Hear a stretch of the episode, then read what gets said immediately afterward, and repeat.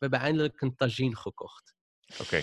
En eh, dat klinkt als, als ah, nothing special. Voor mij is dat een big deal, want We zijn er wel vaak mee bezig van hoe kunnen we, eh, hoe verliezen we ook elkaar niet in ehm, dat, eh, die drastische verandering die een kind met zich meebrengt en waar dan alle aandacht naartoe gaat. Eh, dus we zijn ons daar wel bewust van. Dan ga je gewoon op zo'n wc-pot zitten en dan schreeuw je gewoon, ik ben klaar. En dan, en dan komt iemand, he handles your business. En dan ga je gewoon door met je leven. Drie kleine bazen thuis die gewoon... En je doet alles wat ze willen gewoon.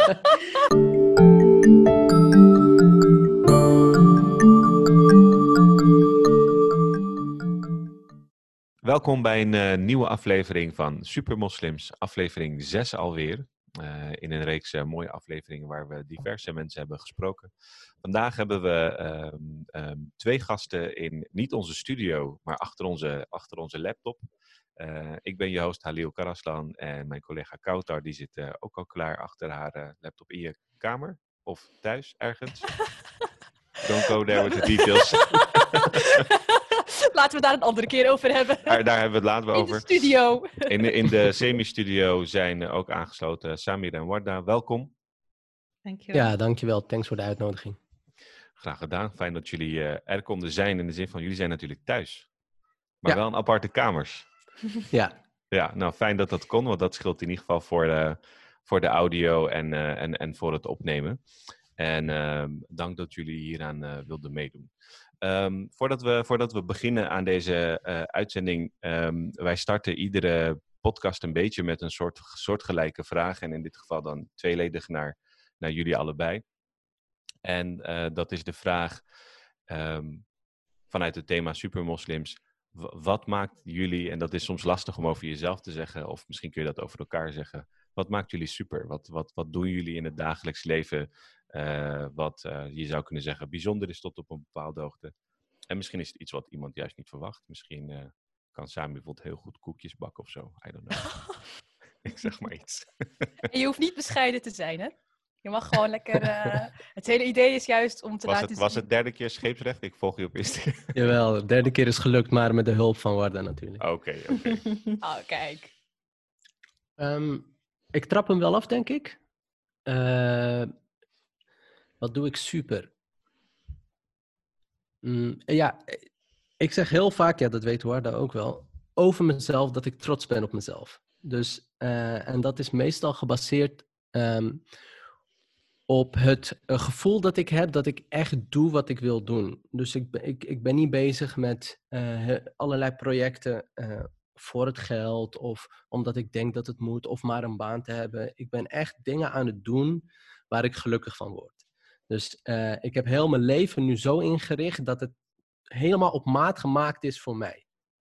En dat doe ik nu, ik denk vijf jaar. En als ik nu al zie wat ik aan het doen ben sinds vijf jaar, ja, dan kan ik alleen maar trots op mezelf zijn. Dus eh, dat maakt mij super, denk ik. Oké, dus echt zeg maar de bewuste keuze voor jouw geluk, jouw, het doen waar je gelukkig van wordt in ieder geval. Ja, en he- inderdaad. En het is een hele bewuste keuze. Dus ook eh, het inrichten van mijn leven doe ik heel bewust. Ik kies heel bewust wanneer, wat ik laat vallen of wat ik oppak en, en hoe ik dat dan doe. En ik heb daar dan gesprekken over met mensen waar ik heel veel om geef. Eh, maar uiteindelijk doe ik het omdat ik denk het is goed voor me. En dat blijf ik elk jaar doen. Oké. En Sammy, om het even heel concreet te maken, wat Ja. doe je precies? Want eh, je hebt verschillende dingen gedaan eh Ja. qua loopbaan. Eh, kun Ja. je wat meer daarover vertellen? Eh, ja, maar als je me vraagt, dan doe je precies. Ik doe heel veel verschillende dingen. maar ik ga het proberen. Eh, ik ben docent geweest. Ik ben ooit begonnen als eh, meester Semir, dus eh, maatschappijleerdocent. Ik heb dat denk ik vier jaar gedaan, drieënhalf jaar ongeveer. En ik merkte al heel snel dat dat het niet helemaal voor mij was, omdat ik school te beperkend vond. En de manier waarop ik dacht was, heel erg vanuit persoonlijke ontwikkeling. Dus heel erg vanuit die jongeren stimuleren tot ontwikkeling. Dus ik stopte als docent en ik heb er toen voor gekozen om iets meer te gaan doen met ontwikkeling, met groei. En daar heb ik een bedrijfje uit eh, opgericht, dat heet Meester Semir. En, en dat staat na vijf jaar gelukkig nog steeds. En ehm, met dat bedrijfje ben ik dus allerlei verschillende projecten aangegaan. Ik ben heel klein begonnen eh, met een training voor uh, jongerenwerkers. Ben daarna bij het Troopmuseum begonnen als verhalenverteller en educatief medewerker. Uh, en ben toen echt gaan groeien. En nu ben ik freelance docent en trainer bij de Hogeschool van Amsterdam. Daarnaast coach ik mensen in hun persoonlijke ontwikkeling, welk thema dat ook mogen zijn. En doe ik nog heel veel andere projecten met jongeren uit uh, Nieuw-West bijvoorbeeld. En ben ik dus dat stukje groei, wat ik eerst zo belangrijk vond en waarom ik het onderwijs ben ingestapt, dat heb ik nu veel groter ingezet en komt overal terug in alles wat ik doe, al zijn het allemaal verschillende projecten. Oké, okay. nice. thanks. Nou, hoor dan. Dan gaan we gewoon het rijtje af. Even nadenken. Ik heb hier een paar dingen opgeschreven. Um, ik denk dat ik al redelijk vroeg uh, ontdekte dat ik echt hield van lezen en schrijven. Um, dus ik ben uh, literatuurwetenschappen gaan studeren. En daar leerde ik ook kritisch denken. Hoewel dat, dat ook altijd wel iets was wat in mij zat, uh, heb ik het daar geleerd hoe je het methodologisch aanpakt of zo. Dus uh, die combinatie van lezen, schrijven, kritisch denken, die talenten die ik heb en die skills die ik heb, die probeer ik nu in te zetten um, als literatuurwetenschapper. Ik heb uh, vorig jaar een PhD afgerond als wetenschapper. Um, ik werk nu als journalist. Daar komen onderzoek doen en verhalen vertellen, schrijven ook weer aan bod. En um, ik probeer me ook te mengen in het publieke debat.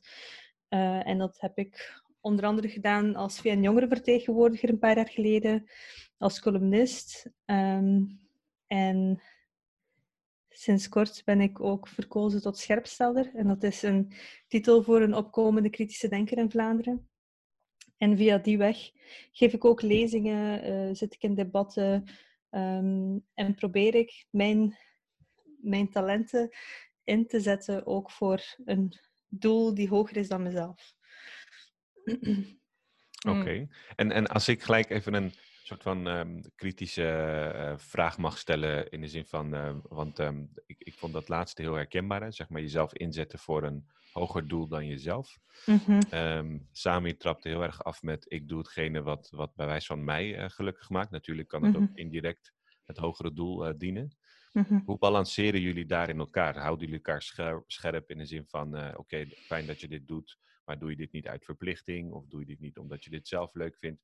Um, voor de context trouwens, we hebben het in de intro niet gezegd voor degene die het niet weet. Jullie zijn natuurlijk uh, man en oh vrouw, oh, ja. dus vandaar ook, vandaar ook uh, deze, deze combo vandaag. Want jullie zijn uh, uitzonderlijk natuurlijk ook als individuen hele toffe mensen, maar ook, ook de combinatie als partners. Dus, dus hoe versterken jullie elkaar daarin? Of, of is iemand de gatekeeper van de ander? Of hoe werkt dat? Ik denk dat Sam weer heel erg mijn gatekeeper is. Okay. Um, in die zin dat ik, um, voor we elkaar leerden kennen, uh, was ik helemaal niet uh, bezig met wat wil ik nu of uh, waar, waar komt bepaalde druk vandaan van bepaalde verwachtingen uit een andere hoek. Um, dat speelde wel allemaal onbewust, maar ik was daar niet echt mee bezig en Sam heeft me dat wel uh, doen inzien. Um, van doe je iets omdat je het zelf graag wil of doe je het vanuit een bepaalde verplichting? Waar komt die verplichting dan vandaan? Uh, dus hij houdt me wel scherp daarin. Oké. Ja, en, is, en, andersom misschien? Het is grappig, want we gaan er allebei anders mee om. Um, want uh, ik, ben, ik ben echt een, een, een denker, een binnenvetter. Dus ik zit in mijn hoofd. En uh, als ik merk dat ik een bepaalde keuze moet maken, of als, ik, uh, of als iets niet lekker loopt, dan trek ik heel erg naar binnen. Dus dan ben ik ineens afstandelijk. En niet afstandelijk, maar dan zit ik hier. En uh, dat, ja, dat, ja, is daar anders in. Warda gaat het gesprek aan en zoekt dan het contact op. En ik ga juist naar achter leunen en, en ga in mijn eigen gedachten verzinken. Maar wat ik de laatste tijd wel doe, is dat, uh, dat worden dat benoemd. En dan kan ik wel altijd aangeven waar ik zit met mijn gedachten en wat er speelt. En ik moet zeggen dat dat mij enorm aan het uh, helpen is om te groeien, om meer te communiceren. Om, om ook, uh, want Warda is een veel betere denker dan dat ik ben. Dus die kan veel slimmer, rationeel denken. Ik ben heel erg gevoelsmatig en ik kan ook dromen en heel groot. En, ook, ook in dat drama dan? Of Eh, is het ik- niet die Ik kant? denk het niet. Ik denk dat wij allebei helemaal geen drama Oké. mensen zijn. Ehm, maar daarin kan, kan ze, helpt ze me enorm verder. Dus in dat stukje gewoon logisch nadenken. En, en, want ik ben heel erg een, een- vanuit gevoel. Ehm, eh, daarin treffen we elkaar altijd in het midden. Dus daar, ik denk dat we allebei aan elkaar evenveel hebben daarin. Mhm. Tof. En ehm, als we kijken naar dat hogere doel, hè, hoe zouden jullie dat omschrijven? Want inderdaad, het is enerzijds zoeken naar balans, maar eh, het zijn ook heel veel verschillende dingen. Hè? Van wat is daar de rode draad in voor jullie? Of voor elk individueel natuurlijk. Jullie zijn niet eh, twee in één. Kan ook heel anders zijn. Mm, goeie vraag. Je- wo- Je kan zou, wat, wat denk ik, ehm, ehm, misschien als aanvulling op die vraag van, is dat, is dat een spirituele invulling in de zin van een groter doel? Of is het meer van, ehm, eh, je zou kunnen zeggen, het verbeteren van een positie van een groep of, of iets? Of wa- waar, waar, waar merken jullie in ieder geval waar die drijf een beetje vandaan komt om, om je op een bepaalde manier toch te mengen in een publieke debat of gesprek? Eh, Bij mij begint die eigenlijk, ja, misschien ben ik heel individualistisch daarin, maar het, het, begint bij mezelf. Ik, ik geloof dat ik bepaalde talenten heb gekregen en dat als ik die talenten uit, ik daarmee eh, een soort van God respecteer, hoe raar dat ook klinkt. Ehm, dus ik kijk naar mezelf, wat kan ik? En haal ik nu eruit wat erin zit? Haal ik eruit wat ik gekregen heb? En als het antwoord nee is, dan du- durf ik daarin wel kritisch te zijn. Oké, wat mis ik? Wat doe ik dan waardoor ik nog niet voel dat ik mijn werk aan het doen ben? Want het voelt ook alsof ik hier, hier gezet ben om bepaald werk te verrichten. En sinds ik die re- realisatie heb, is het altijd wel eh, een soort van koppeling die ik maak. Van is dit, helpt dit mij bij eh, mijn focus op het stukje groei? Want groei is mijn focus. Ik wil overal groei aanbrengen, want als mensen groeien, wordt het een betere versie, halen ze meer uit hun eigen leven en op die manier respecteren zij weer God. Dus ehm, op die manier heb ik hem in mijn hoofd logisch gemaakt en probeer ik het terug te laten komen. Dus dat is gewoon een checkvraag die ik af en toe heb bij mezelf. Ben ik daar nog mee bezig? Eh, gelukkig is het antwoord meestal ja. En als het nee is, dan ga ik dus het gesprek aan met Warda en eh, kijken wa- waar dat dan aan ligt bij mij. En, en Warda, wat is voor jou, eh, Ehm, is, is, het- is er een hoger doel? Ja, en die is eh, eh, zowel wereldlijks als, eh, als spiritueel. In de wereldlijke zin is het zo dat ik, ehm, dat ik, ik, ik ben altijd gefascineerd geweest door verhalen. Dus ehm, wat mij drijft is welke verhalen worden niet verteld of worden niet genoeg gehoord. En ik denk dat in alles wat ik doe, ik eh, daar aandacht voor probeer te hebben zelf en daar aandacht voor probeer te vragen. Ehm, en dan spiritueel komt het heel sterk overeen met wat, wat Sam hier zegt. En dat is echt een realisatie die ik pas heel recent heb gemaakt. Maar ik ben ehm, zo'n typische bescheiden Vlaming. Ehm, en ik wil... Ik vond het bijvoorbeeld al moeilijk om eerder in dit gesprek te zeggen dat ik talenten heb. Mhm. Ehm, maar het is pas heel recent dat, dat, dat, ik, dat ik denk van ja, ik, ik moet niet per se stoer doen of zo met die talenten, maar ik moet ze wel erkennen en inzetten, want het is iets wat ik heb gekregen van God. En als ik op het einde van dit leven ehm, hem ontmoet en hij zegt, wat, wat heb je gedaan dan met al die talenten die ik heb gegeven? Dan ehm, wil ik wel een antwoord hebben kunnen geven. Wat zou dat antwoord dan hopelijk zijn? Ehm, ik hoop dat ik dan, hoe, hoe cliché, hoe melig dit ook klinkt, maar dat ik, dat ik dat heb ingezet, dat ik die talenten heb ingezet om een grote groep mensen rondom mij ergens ehm, naar hoger niveau te brengen. Dus het is, ja, het is anderen helpen op een hele abstracte manier. Ehm, zelf succesvol zijn en dan andere mensen meenemen in dat succes. Mhm.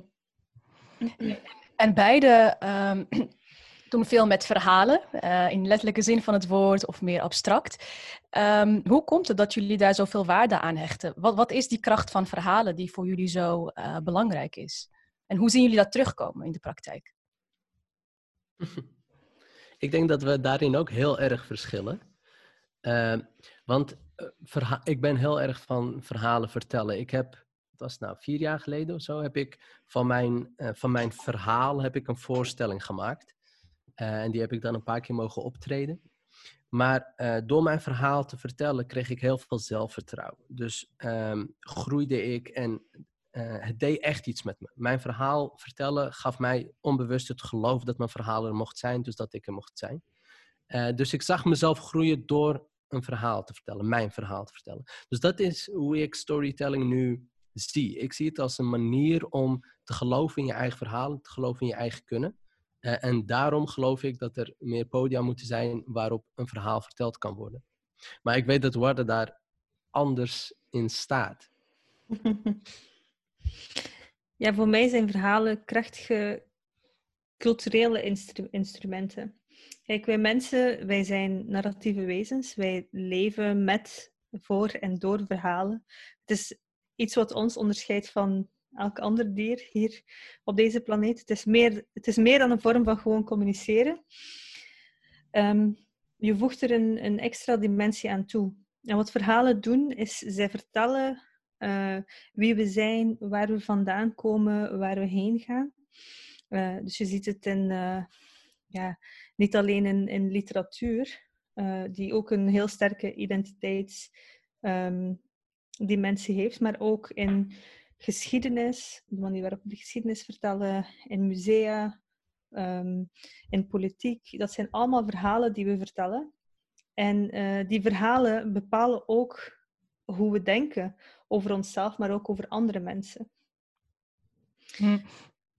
Eh, ik weet niet of ik een voorbeeld moet geven. Nou, ik, ik, ik was benieuwd, want terwijl je aan het vertellen was van, van ehm, eh, wat zou dan inderdaad een voorbeeld zijn van een verhaal of die jou inspireert of raakt? Of, of, of hoe kijk je naar dat verhalen vertellen? Eh, wil je daar een, een bijdrage aan leveren als, als ehm, persoon met eh, een bepaalde achtergrond? Of zeg je, het gaat me echt om het verha- verhaal zelf, dus hoe verhoud jij je dan tot dat verhaal vertellen? Jouw Ehm, rol daarin? Ja, wat, wat, ik, ben, ik heb vooral een onderzoekende houding. Dus ik kijk van wat zijn de dominante verhalen en wat is de impact van zo'n dominante verhaal op, op ons als mensen. Eh, krijgen we door, eh, ik zeg maar iets, een van de dominante verhalen die we vandaag hebben, die stilletjes aan ontkracht wordt, is het hele verhaal rond het koloniaal verleden. Eh, we hebben heel lang gezegd, honderden jaren lang, dat dat een goede zaak was, voor, zowel voor, voor de landen die koloniseerden als voor de landen die gekolonialiseerd werden. Dat verhaal wordt nu ontkracht. Eh, maar ik als onderzoeker kijk dan van wat heeft, wat heeft dat dominante verhaal over het positieve van kolonialisering allemaal teweeggebracht? Een ongelijke eh, eh, verdeling van welvaart in de wereld, een, een, een racistische ideologie waarbij we de ene mens superieur vinden aan de andere en alles wat daaruit voortvloeit. En dan probeer ik, dus het eerste, de eerste stap die ik doe is dat onderzoeken. De tweede stap die ik doe is, ehm, ja, hoe, zouden we dat, hoe zou ik kunnen bijdragen aan de verandering, aan de ontkrachting van dat verhaal, om het opnieuw eerlijker te maken? Hm. Wat ik eh, zo bijzonder vind als ik naar jou luister is, ehm, nou ja goed, eh, ik volg jullie beiden qua werk en eh, ook op Instagram. En wat ik heel interessant vind is, eh, ik hoor jou nu heel erg op macroniveau praten, dus vanuit de samenleving of vanuit de geschiedenis. En Samir, wat ik heel interessant vind van jou, jij gaat ook de wijken in. Om met jongens hun verhaal te delen, jouw verhaal te delen en ook daarin een bepaald verschil te maken. Kun jij vertellen hoe dat er voor jou uitziet? Ja, dat kan ik wel. Ehm, ik zei het al eerder in mijn introductie. Ik, heb, ik, heb dus, ik ben op verschillende niveaus actief. Dus dat is mooi dat je dat zegt. En ik ben, ik ben dus ook heel micro-actief in eh, buurten waarin ik denk dat het keihard nodig is. En dat zijn voornamelijk ontwikkelbuurten. Ik, ben, ik kom uit zo'n buurt, dus dat is weer het persoonlijke wat ik er altijd aan koppel. Eh, ik kom zelf uit de Wildemanbuurt en ik heb altijd een connectie gehad met de Wildemanbuurt en met heel veel andere ontwikkelbuurten. Omdat ik wel geloof dat het talent er is, maar geen eh, eh, grond krijgt om, om zijn roots verder te laten ontwikkelen. Dus het is een ontwikkelbuurt, Samir? Voor de mensen die het niet weten. Ehm, kansarme wijken. Mhm. Ehm, eh, vogelaarswijken, eh, dat soort buurten. Elke keer een andere naam. Precies, precies. We kunnen even doorgaan. Ja. Eh, ja, ontwikkelbuurt vind ik nog best wel een mooi woord. Ehm, Maar ik, ik, wat ik dus probeer, en dat doe, doe ik heel veel met Fouad, dat is, mijn, uh, is meer dan mijn collega, is bijna mijn broer. Ehm, en wat wij heel veel doen, is we gaan die wijken in en uh, we starten daar een programma. Dus in de Wildemanbuurt hebben we uh, nu al drie jaar dat we verschillende programma's da daar draaien. Nu draaien we daar Studio Oslo Dat is een samenwerking met The Beach en met gemeente Amsterdam en nog wat partners. En uh, daarin gaan we met de jongeren en één, we creëren een veilige omgeving waar ze gewoon kunnen zijn. Dat is al bijzonder in zo'n buurt. Vooral in die buurt, want ik kom daar zelf dus ook vandaan. Uh, we geven ze rolmodellen. We halen mensen uit de buurt, zetten ze voor de groep. Ik ben er een, mijn broertje is er een.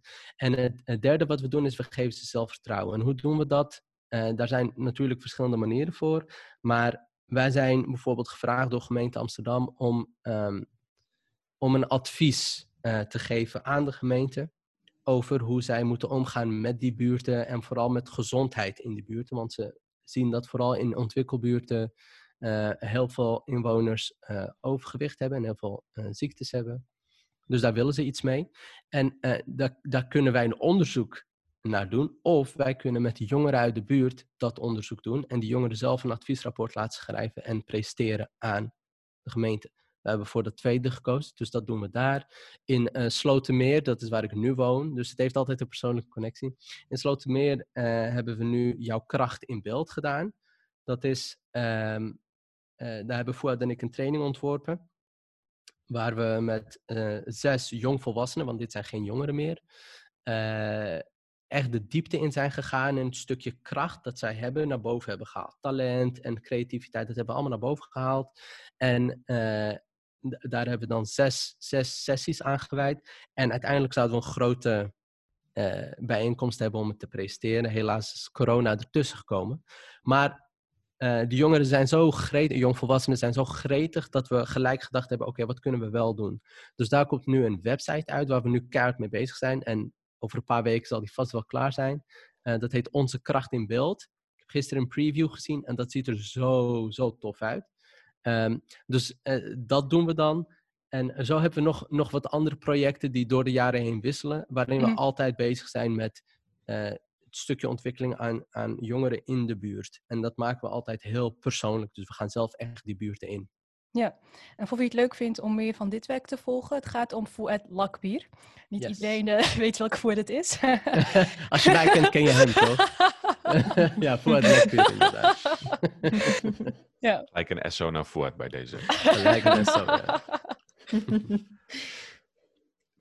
Ik, uh, ik had even een digitale blik naar mijn collega. Ik dacht, wilde jij wat zeggen? Zal ik wat zeggen? Maar, maar ik, ik, ik ga met je toestemming nog even, even um, een vraag stellen. Um, dus we hebben het heel erg gehad over, zeg maar, uh, uh, je zou kunnen zeggen, visie, um, het hier en nu, bewijs van het grotere, grotere doel. Is, heeft, dat, heeft dat meer te maken met, je zou kunnen zeggen, alleen het zijn van je eigen ik? Of ook bijvoorbeeld een soort van uh, legacy. Ik, ik, koppel dat even terug naar mezelf. Ik merk bij mij dat het, um, hetgene wat ik doe in mijn werk en uh, bewijs van wat ik wil nalaten, dat de gedachte en de manier waarop ik daar naar kijk heel erg is veranderd met het krijgen van kids. Dus dat ik heel erg dacht van oké, hoe ziet de wereld eruit voor hun over twintig jaar uh, met de thema's waar ik mee bezig ben als het gaat over emancipatie, het bewijs van Nederlander zijn en al die thema's.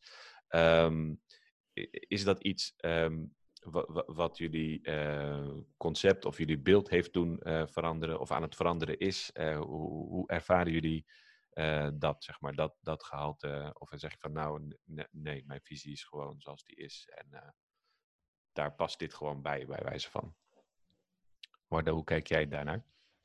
Um, ik denk dat we vanwege onze migratieachtergrond en die van onze ouders sowieso altijd al hebben meegekregen um, om de reflex te hebben wat met de volgende generatie, want dat is ook iets waar onze ouders mee bezig waren en zich luid op afvroegen. Uh, en onze grootouders, die wilden ook een beter leven voor hun kinderen. Onze ouders wilden een beter leven voor ons. En dus die gedachte, die reflex zit er automatisch in. En um, ja, wij, wij uh, krijg je binnenkort inshallah ook ons, ons eerste kindje. En dus dat creëert wel een extra dimensie waarbij je die, die vraag van legacy iets dringender wordt. Die was er wel al, maar die wordt iets dringender, iets concreter. Ik betrap, erop, uh, ik betrap er onszelf op dat we nu wel vaak zeggen van we doen het voor die kleine. dus dat, ja, dat, uh, dat, dat komt er zeker bij. Geeft er extra kracht. Ervaar je ja. dat ook zo, Samir? Ik, ik, ik, ik sta er denk ik anders in dan Warda. Warda is er veel meer mee bezig. Ook haar onderwerpen, uh, daar is ze al heel scherp mee bezig voor de volgende generatie. Ik hoor haar vaak zeggen van ja, ik, ik wil niet de volgende generatie hiermee opzadelen. Dus uh, ik denk dat zij daar veel groter mee bezig is dan dat ik dat ben. Want ik ben uh, iets simpeler met mijn legacy bezig. En mijn, mijn, mijn legacy is meer, en dat uh, hadden we volgens mij drie dagen geleden hadden we het erover. We hebben eindelijk een tagine gekocht. Oké. Okay. En uh, dat klinkt als, als ah, nothing special. Voor mij is dat een big deal, want een van de dingen, en daar hebben we het dan over, is ah, onze kinderen gaan opgroeien met tagine.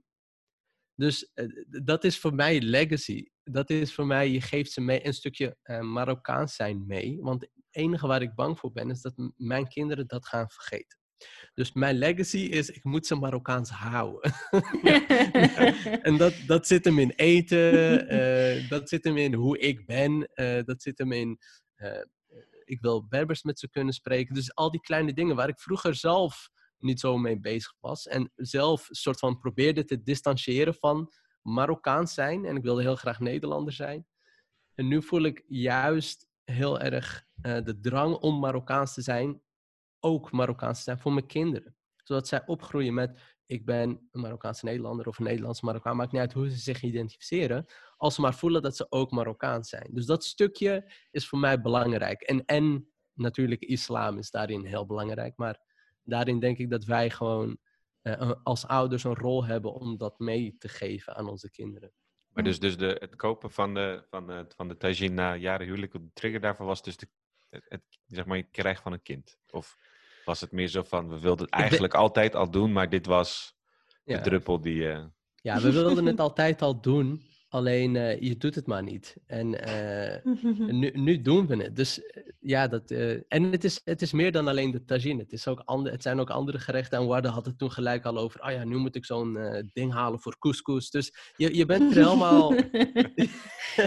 je bent er helemaal mee bezig. En ik weet niet eens, ik, ik weet niet eens of... of het heel bewust gaat. Ik denk dat we het bijvoorbeeld bij de tagine, pas toen we het gekocht hadden, realiseerden we van, oh oké, okay, nu kunnen we onze kinderen tagine meegeven, wat hiervoor dus niet kon. Maar begint begin nu ook de rivaliteit van, oh je tagine smaakt net zo goed als die van mijn moeder? Of... Oei, oei, oké. Okay. Um, ik moet wel zeggen, en dat ga ik eerlijk bekennen, de Luistert laatste... je moeder naar de podcast, by the way? Of, nee, nee. Oké, nee. dan kun je... Okay. Nee, dus ik... Uh, je kan sociaal wenselijk antwoord geven. Nou, de gra... ja, het gevaar is dat Warda hier wel zit, maar... Um, nee, ik moet wel zeggen, de laatste dagen... Uh, volgens mij had ik dat ook tegen jou gezegd. Dan zeg ik, vooral in de Ramadan heb ik dat. Dan zeg ik heel vaak van, oh, kan je die, die hapjes maken die mijn moeder maakt? Of uh, de harira... Of de, de herera van mijn moeder, daar zit geen selderij in. En dat soort dingen. dus dat soort... Mag je op de bank slapen, Samir? maar ik heb dat normaal niet. Hè. Kijk, normaal ben ik daar niet mee bezig. Maar Ramadan is zo voor mij zo gekoppeld aan thuis zijn. Dat ik die hapjes mis die mijn moeder maakt. Dus, ja, en, en ik mis daarnaast ook mijn moeder. Mijn ouders zitten nu in, vast in Marokko door corona. Ja. Dus ik kan ook niet op bezoek gaan of zo. Ja. Dus die hapjes die mis ik gewoon. En uh, nu dwing ik Warda om, om ze te maken. Want jullie hebben mijn kookkunst kunnen volgen via Instagram. Ja. Dat zit er gewoon niet in. Nou, er, er, is, er, is, er is progressie. Maar wat heb jij met de hulp van Warda? Hey, ik wil even terugkomen op iets wat je eerder zei, Sammy. En uh, misschien ja. ook Warda, als het gaat om migra migratieachtergrond en hoe je je daar als individu toe verhoudt. Je gaf zelf net aan dat uh, vroeger dat je meer het gevoel had van jezelf daarvan willen distancieren, bij wijze van. En nu hoor ik heel sterk eigenlijk bij, bij wijze van back to the roots willen. Van, het gaat niet alleen over eten, het gaat over taal, het gaat over uh, weten waar je vandaan komt. Wat is er gebeurd? Van waar kwam dat uh, eerder distancieren vandaan? En wat is er veranderd? Dat je nu wel zoiets hebt van, hé, hey, dat is ook deel van wie ik ben. Ja, ik, uh, ik kom zelf uit de Wildemanbuurt. Dat is uh, wat ik altijd noem een zwarte bubbel. Dus iedereen daar die leek op mij. Maar ik heb me nooit helemaal kunnen identificeren met de mensen daar, want ik was voor mijn gevoel altijd anders. En als je opgroeit en je voelt je anders, maar iedereen lijkt op jou, dan, dan denk je ergens dat aan jou ligt. En toen ik naar de HBO ging, toen ontdekte ik een hele andere wereld. Een hele witte wereld. Want ik ging ook nooit mijn buurt uit. Dat is ook zoiets vreemds. En eh, toen ik dus op HBO zat, dacht ik, oh, eh, misschien ben ik gewoon niet zo Marokkaans als de jongens in de Wildemanbuurt. Dan kon ik daarom niet matchen. Dus laat me proberen om Nederlands te zijn. Dus dat heb ik toen geprobeerd en dat is dus helemaal misgegaan, want ik, ik ben gewoon niet Nederlands. En daar kom je dan achter. Uh, en het, is, het, is, het ging helemaal de verkeerde kant op. Ik werd uitgelachen omdat ik sprak met een Marokkaans accent. Uh, ze bedoelde gewoon een accent uit, uit de achterstandswijken. Dus een bepaalde manier van praten. Um, ik, ik begreep ze niet, ik ging niet mee naar borrels, zij begrepen mij niet. Dus er zat een hele grote afstand tussen ons. En toen realiseerde ik me van, oké, ik ik, ik ben dus niet Marokkaans, want ik kan me daar niet mee identificeren. Ik wilde Nederland zijn, ik ben zeker geen Nederlander, wat ben ik? Dus toen, uh, ik was 18 denk ik, 19, zat ik echt met de identiteitsconflict. En die heb ik, die heb ik best wel lang volgehouden. Um, en gelukkig wat mij enorm hielp, is dat ik me wel kon identificeren als Amsterdammer. Dus in eerste plaats werd ik in Amsterdam en ik was een moslim. Dus ik had wel dingen waar ik me echt mee kon identificeren. En hoe ouder ik werd, hoe meer ik realiseerde dat het niet zo, dat je niet hoeft te kiezen of zo. Dat het niet zo zwart-wit is. Dat het heel bewegelijk is, heel organisch moet zijn en niet geforceerd moet zijn. Dus uh, met die realisatie komt ook een stukje rust mee. En sinds ik niet meer bezig ben met wat ben ik of hoe identificeer ik me, uh, ben ik denk ik ook gewoon een, een fijner mens geworden. Omdat ik niet per se ergens tegenaf zet. Mm -hmm. En hoor, jij bent ook nog eens Vlaams in Amsterdam. Heb jij gekozen ja. voor Amsterdam inmiddels? Daar moet je wel echt voor kiezen, hè? toch Samir? Je bent of ja, Amsterdammer dat... of je bent het niet. het, het, eerste wat ik tegen haar gezegd heb, eerste keer dat we elkaar hadden ontmoet, is uh, ik ga nooit Amsterdam uit. Dus, dat, dus Amsterdam is gewoon mijn, wat je zegt, ik heb ervoor gekozen en het is mijn eeuwige liefde. En uh, Warda is nummer twee. grapje, ja. grapje. Ik ga deze uitzending. dat gaat niet goed. Dat gaat niet goed. Doe die deur, Sammy, doe de deur op slot. Doe even de deur dicht. Ik heb hier een balkon, ik spring naar buiten. Wacht maar. Oh, oh.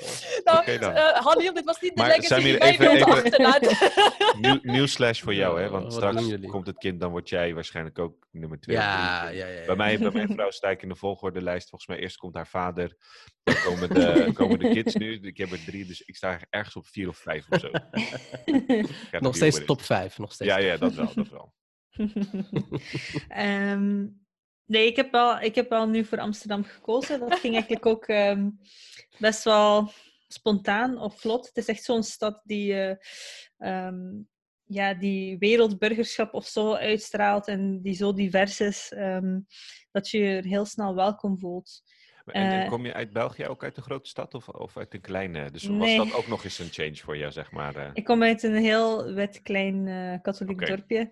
Oh, precies andersom, hè, wat platteland. betreft. Wat grappig. Ja, ja, hij had het over de zwarte bubbel, maar ik ben opgegroeid in een witte bubbel. Ehm, ja, en dat doet natuurlijk wel iets met je. Ik, we hebben zo verschillende eh, locaties, omgevingen gehad waarin we zijn opgegroeid. Echt gewoon contrast kon niet groter zijn, maar we voelden ons allebei eh, anders dan de meerderheid rondom ons. Ehm, en dat identiteitsconflict, daar herken ik me echt wel in. Eh, omdat, kijk, dat is ook weer een dominant verhaal. Eh, maar het is dat je een keuze zou moeten maken. Maar dat, dat je of het een of het ander moet zijn. Eh, we kennen wel allemaal die vraag van voel je meer Marokkaan of voel je meer Nederlander of Belg? Ehm, dat is, het, ik denk dat het identiteitsconflict net daardoor komt, door het idee dat je zou moeten kiezen. Ehm, ik denk als je meerdere identiteiten combineert, dat er dan helemaal geen conflict is. Het zit in je natuur, dus ehm, dan, dan leeft het ook in harmonie met elkaar binnenin jou. Ehm, en dat identiteitsconflict is wel versterkt geweest voor mij in de periode dat extreem rechts opkwam in Vlaanderen. Dat is gebeurd in de jaren 90, dat is gebeurd na 11 september, dat is gebeurd in, van 2009 tot nu weer, dat een hele piek heeft gekend, waarin er ook continu ehm, werd verteld dat moslim zijn en Vlaams zijn bijvoorbeeld, dat dat eh, exclusief, uh, dat dat elkaar uh, dus dat, dat heeft me ook wel meer bewust gemaakt van, van mijn religie. Want hoe gek het ook klinkt, hoe vaker je zegt tegen iemand dat hij moslim is, hoe bewuster die, dat hij wordt van die identiteit.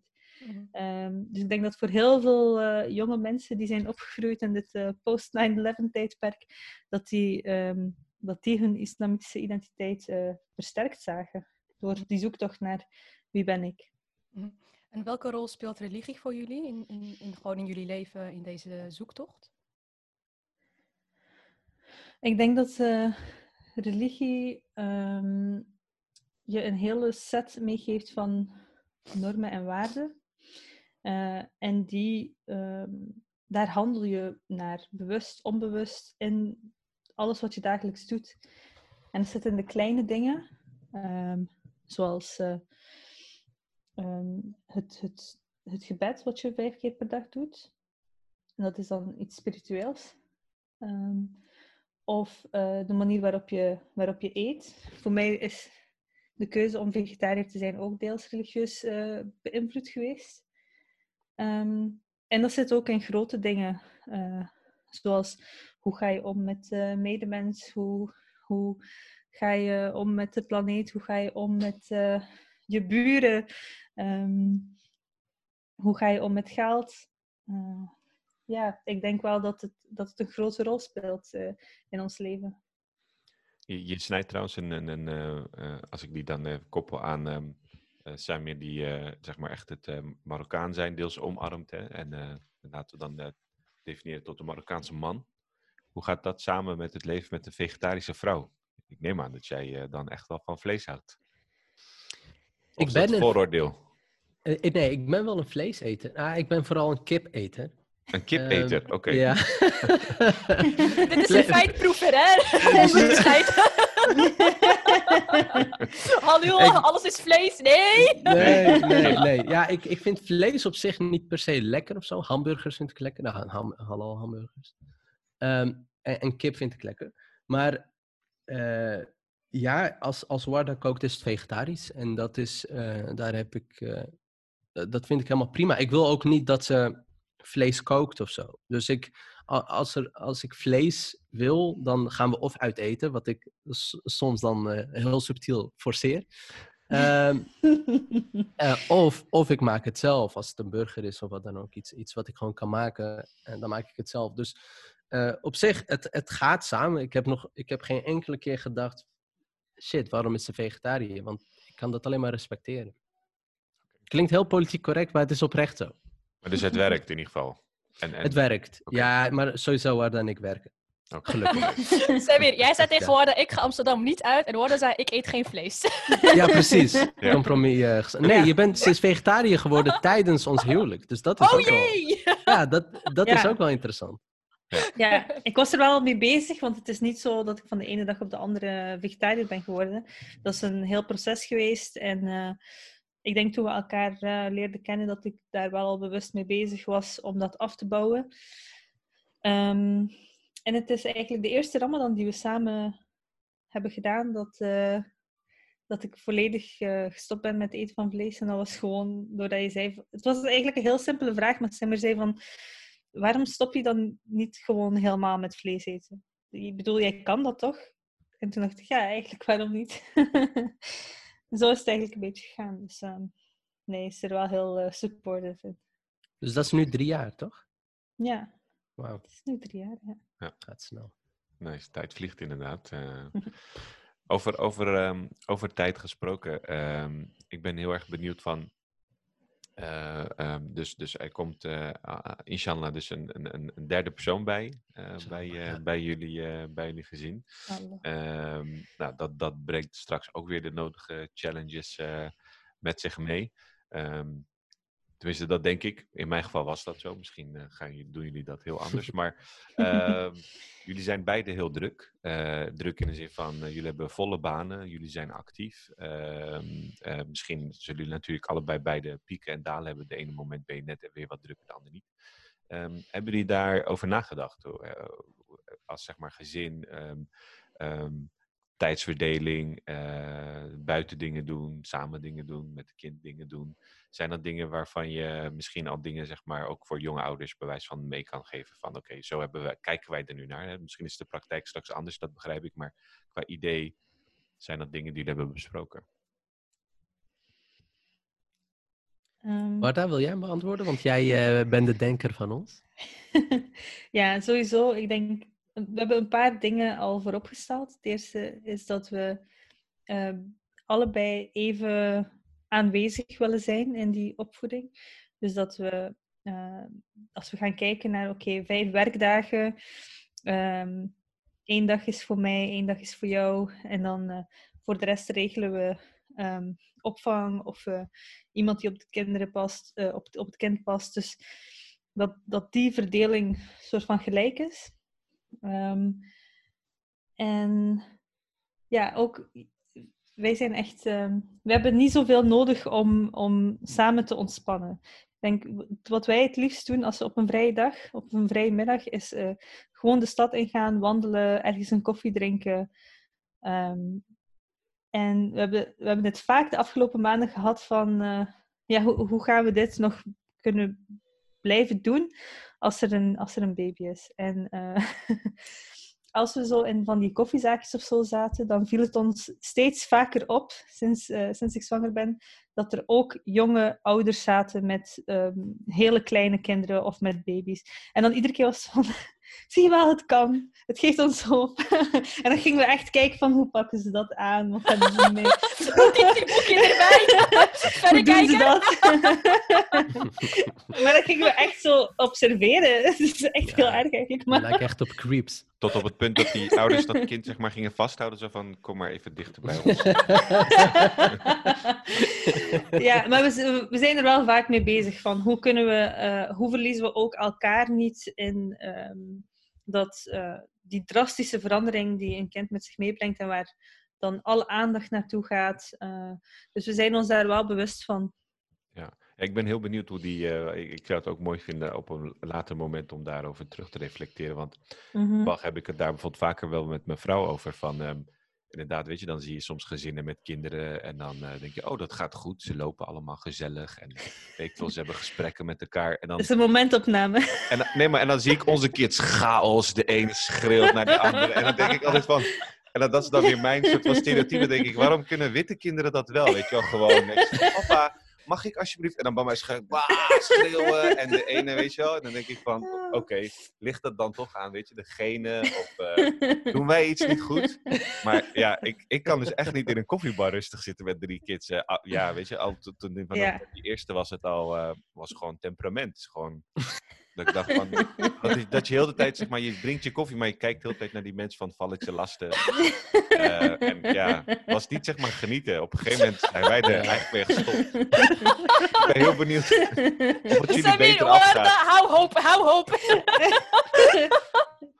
Nee, maar Halil, ik vind het leuk, want jij hebt oh, natuurlijk wel wat meer ervaring als vader. Inmiddels. Ja. inmiddels bij jou ja. de vraag stellen, toch? Van wat, wat zou jij uh, aankomende ouders als advies slash tip willen meegeven? Ja, Precies. ja um, kijk, wat, ik, wat ik wel zie, en dat is zonder niemand tekort te doen of, of te dissen, uh, indirect of direct, dat, dat, ik hoop dat niemand dat echt zo op, opvangt. Maar ik zie wel veel trends in de zin van Um, ik, zie mensen heel veel boekjes lezen, bijvoorbeeld over hoe moet ik mama papa zijn, of hoe moet ik met mijn kind praten, wat dan ook. En ik denk dat moet je, dat moet je vooral ook doen, zeker als je uh, blijkbaar dat wilt lezen, dan is daar een aanleiding toe. Hè? Dus misschien voel je ergens onzeker over. Of...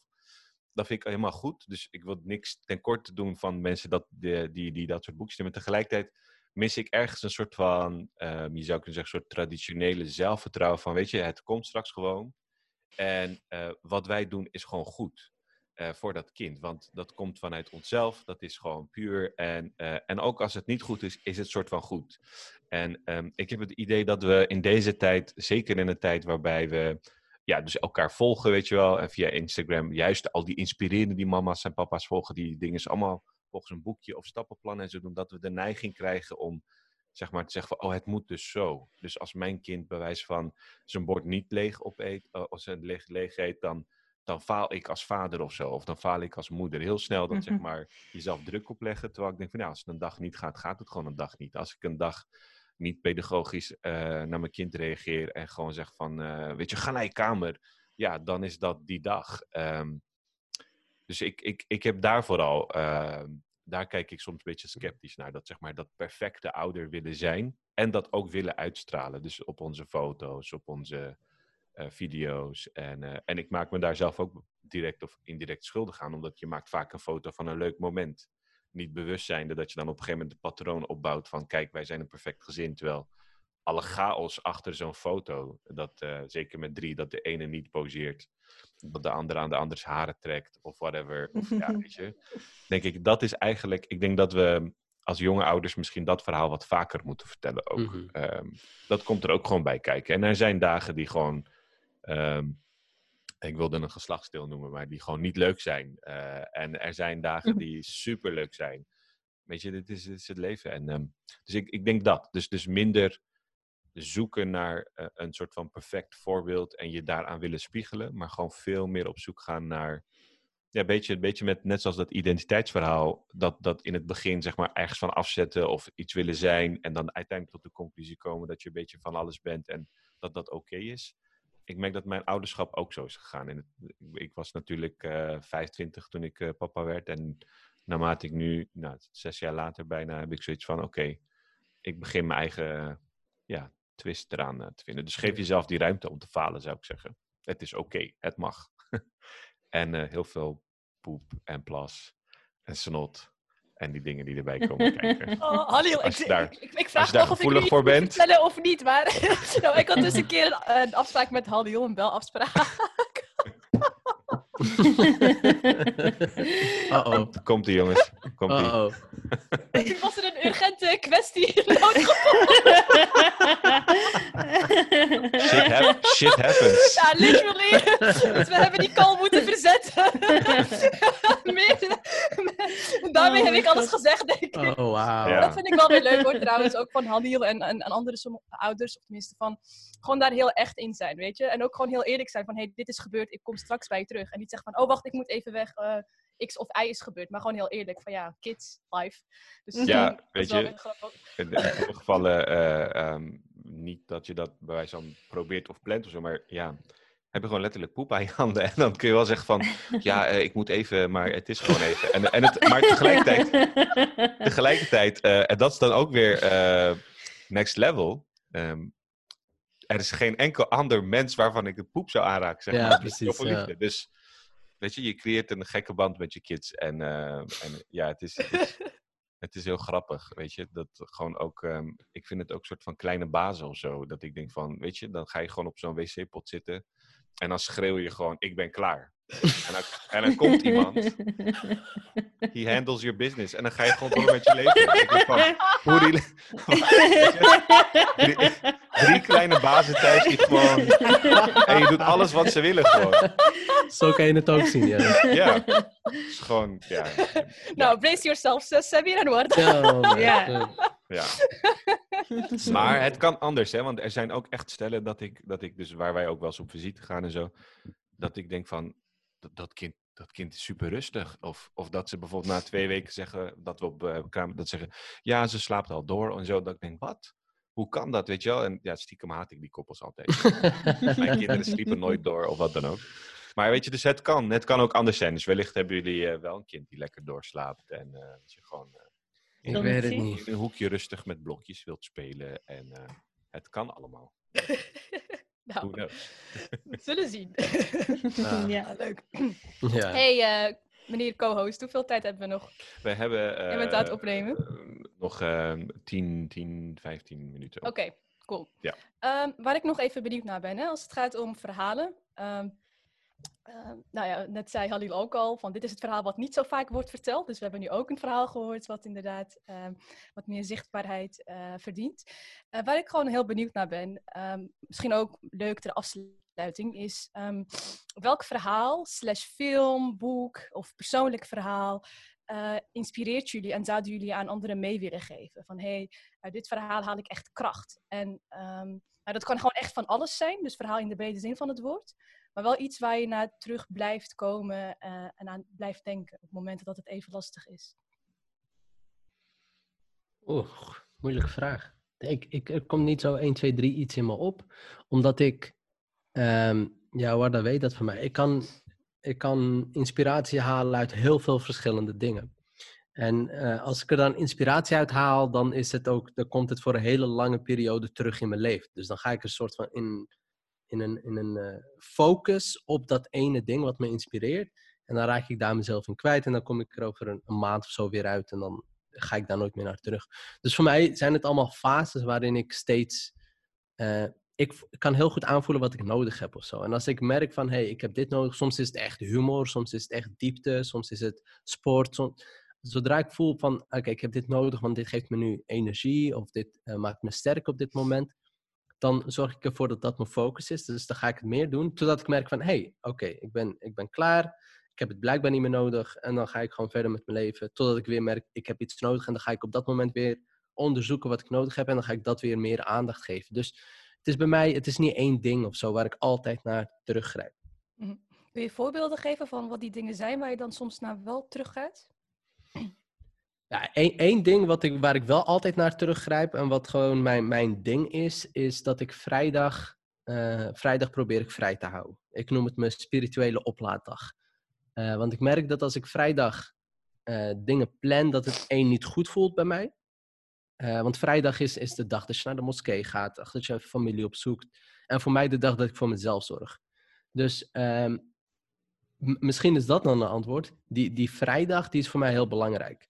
Dus ik zorg er ook voor, zoveel ik kan, dat vrijdag, in deze coronatijd is dat natuurlijk anders, maar dat vrijdag dat ik niks plan dat ik naar de moskee ga en dat ik daar dan tijd heb om het te focussen. Want ik merkte dat als ik het tussen afspraken indeed, was dat moskee een soort van checklist was. Ik ging naar moskee, ik deed mijn gebed en ik ging weg. Terwijl ik het veel fijner vind om naar een specifieke moskee te gaan. En die is in het centrum. Dus dan pak ik de tram en dan kan ik daarin uh, ook na het gebed echt zitten voor een kwartier in plaats van gelijk doorgaan.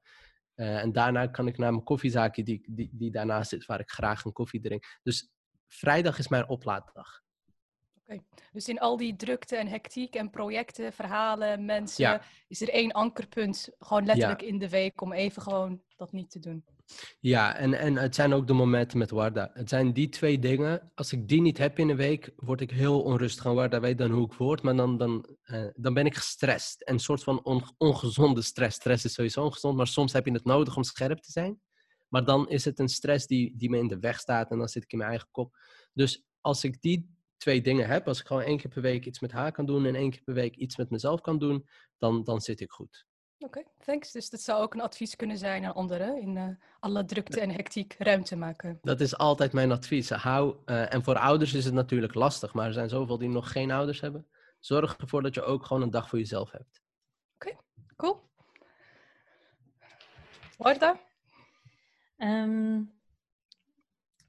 ik zat even te denken van ja, als, het is echt een van de moeilijkste vragen die je een literatuurliefhebber kan vragen.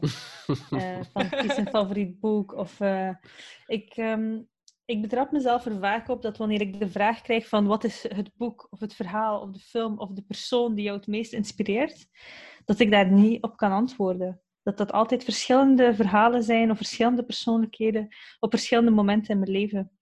Um, ik herinner me dat... Uh, toen ik het laatste jaar voor ik ging afstuderen, uh, dat ik, had je me toen gezegd dat ik een doctoraat zou schrijven, ik zou je echt uitlachen. Dat, dat, dat was echt iets wat ik absoluut niet wilde. Tot ik in het laatste semester een boek las van Elias Canetti, uh, De Stemmen van Marrakesh. En dat boek heeft ik heb dat één zo graag gelezen en twee, ik zag daar zoveel in om te onderzoeken dat ik het plots weer leuk begon te vinden. En dacht van, hé, hey, uh, eigenlijk onderzoek doen, misschien vind ik het toch wel leuk. Dus dat, dat boek heeft echt die levenskeuze beïnvloed. Um, later waren het dan boeken van uh, Toni Morrison of Maya Angelou. En op dit moment uh, lees ik verschillende boeken van Audre Lorde voor een profiel die ik ga schrijven voor de Groene Amsterdammer waar ik werk. En op dit moment is zij mijn grote inspiratie. Dus het is, het is heel erg afhankelijk van uh, welk boek of welk verhaal of in welke biografie me ik op dat moment in verdiep.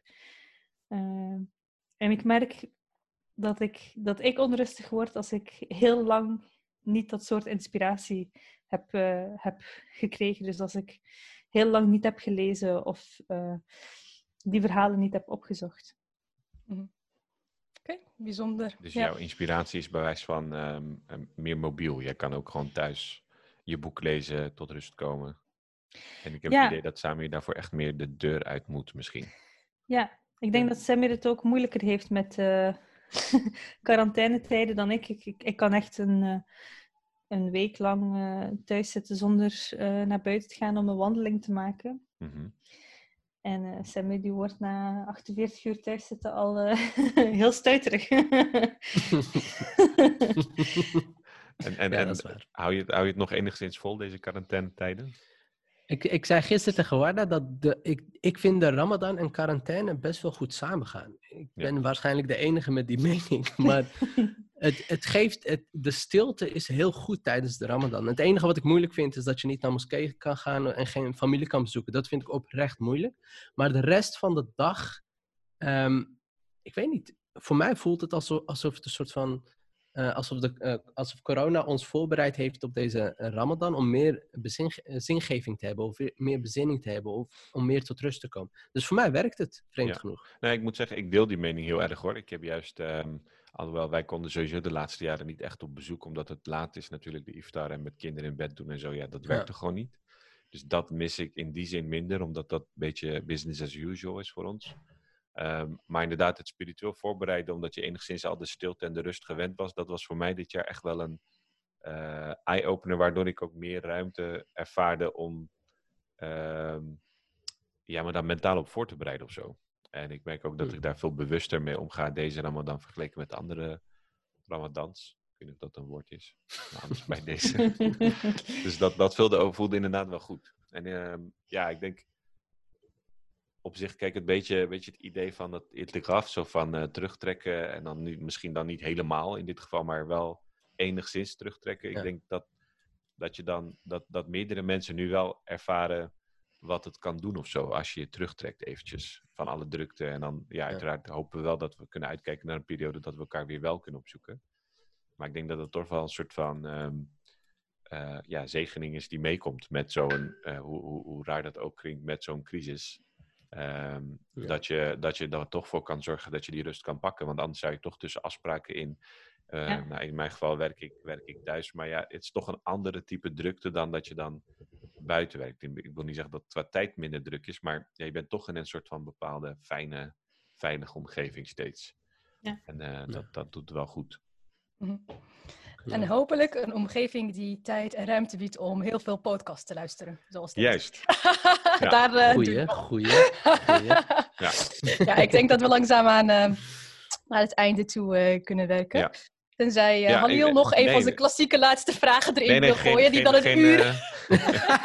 dat, dat doet Halil dus. En dan komt hij aan het einde van... Oh, by the way. daar, ben ik, daar ben ik goed in. Dan kunnen we nog een uur Dat door. is ook een talent. Maar ehm, nee, ik wil zeggen van, eh, maar jullie, ik heb begrepen volgens mij dat jullie een beetje uit dezelfde buurt komen, want jullie hebben een andere zon dan dat ik heb. Kijk, bij mij lijkt het alsof ik ergens 's avonds in gesprek ben en jullie zitten allemaal met zo'n felle, witte, mooie kamer. Ik heb sowieso zon. Ja, Dat klopt wel, we wonen Ja. allemaal bij elkaar in de buurt. Maar inderdaad, bij jou lijkt het alsof het avond is. Ja. Maar Ja, misschien heb je de gordijnen dicht. Nee, ja, nee, maar ja, in Rotterdam lopen we iets verder in de tijd. Dus misschien dat dat... Kom naar Amsterdam, Halil. Kom naar Amsterdam. Ja. We zijn... eh, Zie je, hier schijnt de zon tenminste. ja, precies. Nou, beste mensen, dit was alweer de zesde aflevering van Supermoslims, waar we in gesprek gaan met eh, bijzondere mensen die mooie dingen doen. En dat kan echt van alles zijn. We hebben studenten gesproken, we hebben wetenschappers gesproken, eh, we hebben kunstenaars gesproken en ook eh, mensen die gewoon op hun eigen manier iets heel moois doen. We hopen dat jullie eh, het mooi vinden om deze verhalen te horen. Volg ons eh, via Instagram. Daar gaan wij nog een hele mooie visual eh, plaatsen van Warda en Samir. En daar zie je ook een overzicht van alle eerdere podcasts. En ehm, op Facebook, nou, op, kom maar ook naar de website wijblijvenhier.nl. Daar zie je ook interviews met andere supermoslims. We hebben onder andere Mohammed Sayah gesproken, die gemeenteraadslid is. We hebben ehm, wederom ook weer kunstenaars daar gesproken. Dus ga naar de website. Halil is er helemaal klaar mee, die gaat uit beeld. Dank voor deze support. ik, moet, ik, ik moet uit beeld, want anders... eh, kijk, ik moet even dit doen. Anders zijn Nou. de opname kwijt. Nou, Dit was Super Moslims. Je host zijn Halil en Kothar. En vandaag hadden we met ons Warda en Samir. Ontzettend bedankt voor jullie aanwezigheid. Jullie bijzondere verhalen, over verhalen gesproken. En uh, nog een hele mooie maand vol rust, bezinning en uh, goede verhalen toegewenst. Bye bye. Jullie ook. thank you